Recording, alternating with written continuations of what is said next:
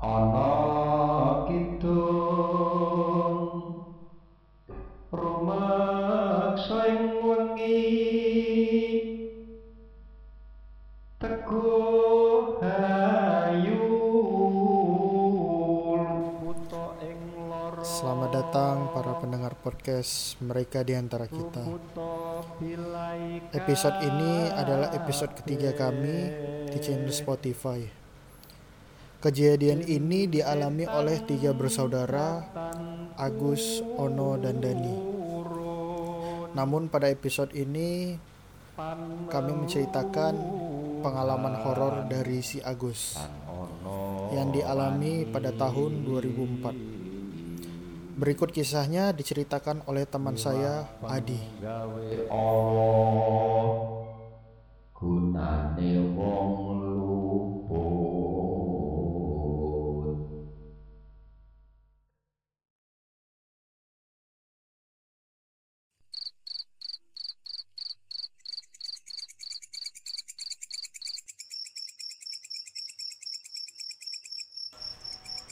Malam itu angin tak terlalu dingin ataupun tak terlalu panas. Aku ingat sekali malam yang tak akan kulupakan karena kesan horor itu kualami di tahun 2004.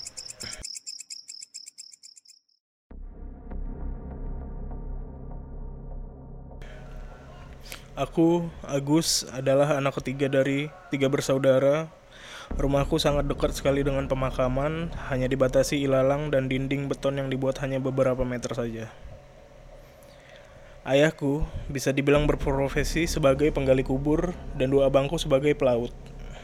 Namun kejadian malam itu saat kami bertiga bisa dibilang masih di bawah 17 tahun. Abangku yang paling tua pun berumur 15 tahun, sedangkan aku berumur 10 tahun. Jadi, kejadiannya itu saat aku dan ayahku dan abangku yang paling tua berada di rumah, sedangkan ibuku dan abangku yang nomor dua pergi ke Batam karena ada acara saudara di sana. Jam menunjukkan jam pukul 10 malam. Pas aku dan abangku sedang bermain di kamar sambil menonton TV, sedangkan ayahku berada di ruang tamu sambil menyeruput kopinya dan merokok dibarengi dengan alunan musik keroncong di radio.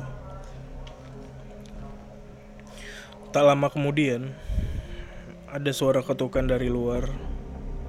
Aku pun disuruh membuka pintu itu. Ternyata petugas sipir dan anggota polisi. Dengan wajah tergesa-gesa, ia langsung bertanya, Aku pun langsung memanggil ayahku dan ayahku menghampiri mereka. Tampak wajah sipir dan anggota polisi itu seperti tergesa-gesa, namun ayahku seperti serius menanggapinya. Akhirnya mereka bertiga seperti menyetujui suatu hal dan ayahku terburu-buru menyiapkan peralatan untuk menguburi. Sedangkan petugas sipir dan polisi tadi mereka sedang memberi aba-aba untuk memasuki pekarangan rumahku yang ternyata itu mobil jenazah. Ternyata malam itu ada seseorang yang sudah meninggal dan ingin dikubumikan malam itu juga. Ayahku tampak sudah siap-siap dan berpesan kepada kami agar sebelum tidur cuci kaki, menutup pintu, dan membaca doa. Namun, saat aku tanya siapa yang meninggal, ternyata tahanan penjara yang tak ada identitasnya. Ayahku sudah pergi ke kuburan bersama yang lainnya. Abangku bergegas bertutup pintu, cuci kaki, dan tidur. Namun, aku masih tetap terjaga. Karena pemain gulat yang aku tunggu baru saja muncul. Satu jam berlalu, ayahku baru pulang saat terdengar suara pintu terbuka dan aku mematikan TV dan pura-pura tidur. Tapi, 15 menit aku tunggu ayahku, ia tak kunjung membersihkan diri. Biasanya, ia pulang dari kuburan tanpa basa-basi langsung mandi dan membersihkan dirinya. Tetapi kali ini janggal.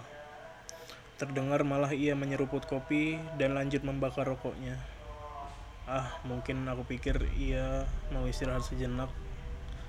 Dan aku agak terkejut saat radio dihidupkan dan memutar lagu penyanyi legendaris yaitu Piramli dan Saloma.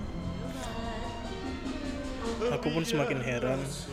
Sudah larut malam, kenapa tidak membersihkan diri?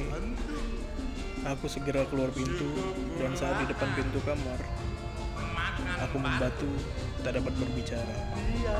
Ternyata di tempat ayahku menyeruput kopi itu, ada seseorang lelaki dengan mata merah dan brewok.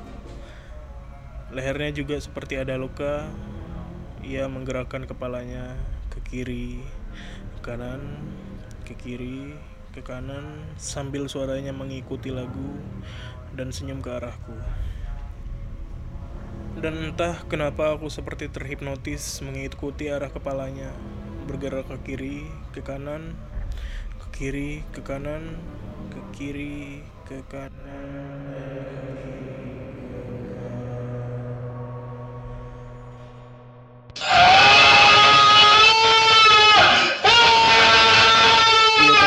Arahku dengan cepat dan tertawa dengan suara bergema.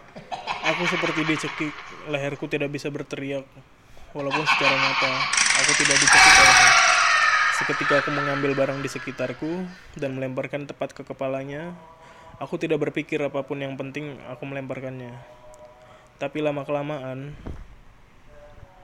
ternyata aku seperti orang mengigau saat ayahku menyadarkanku.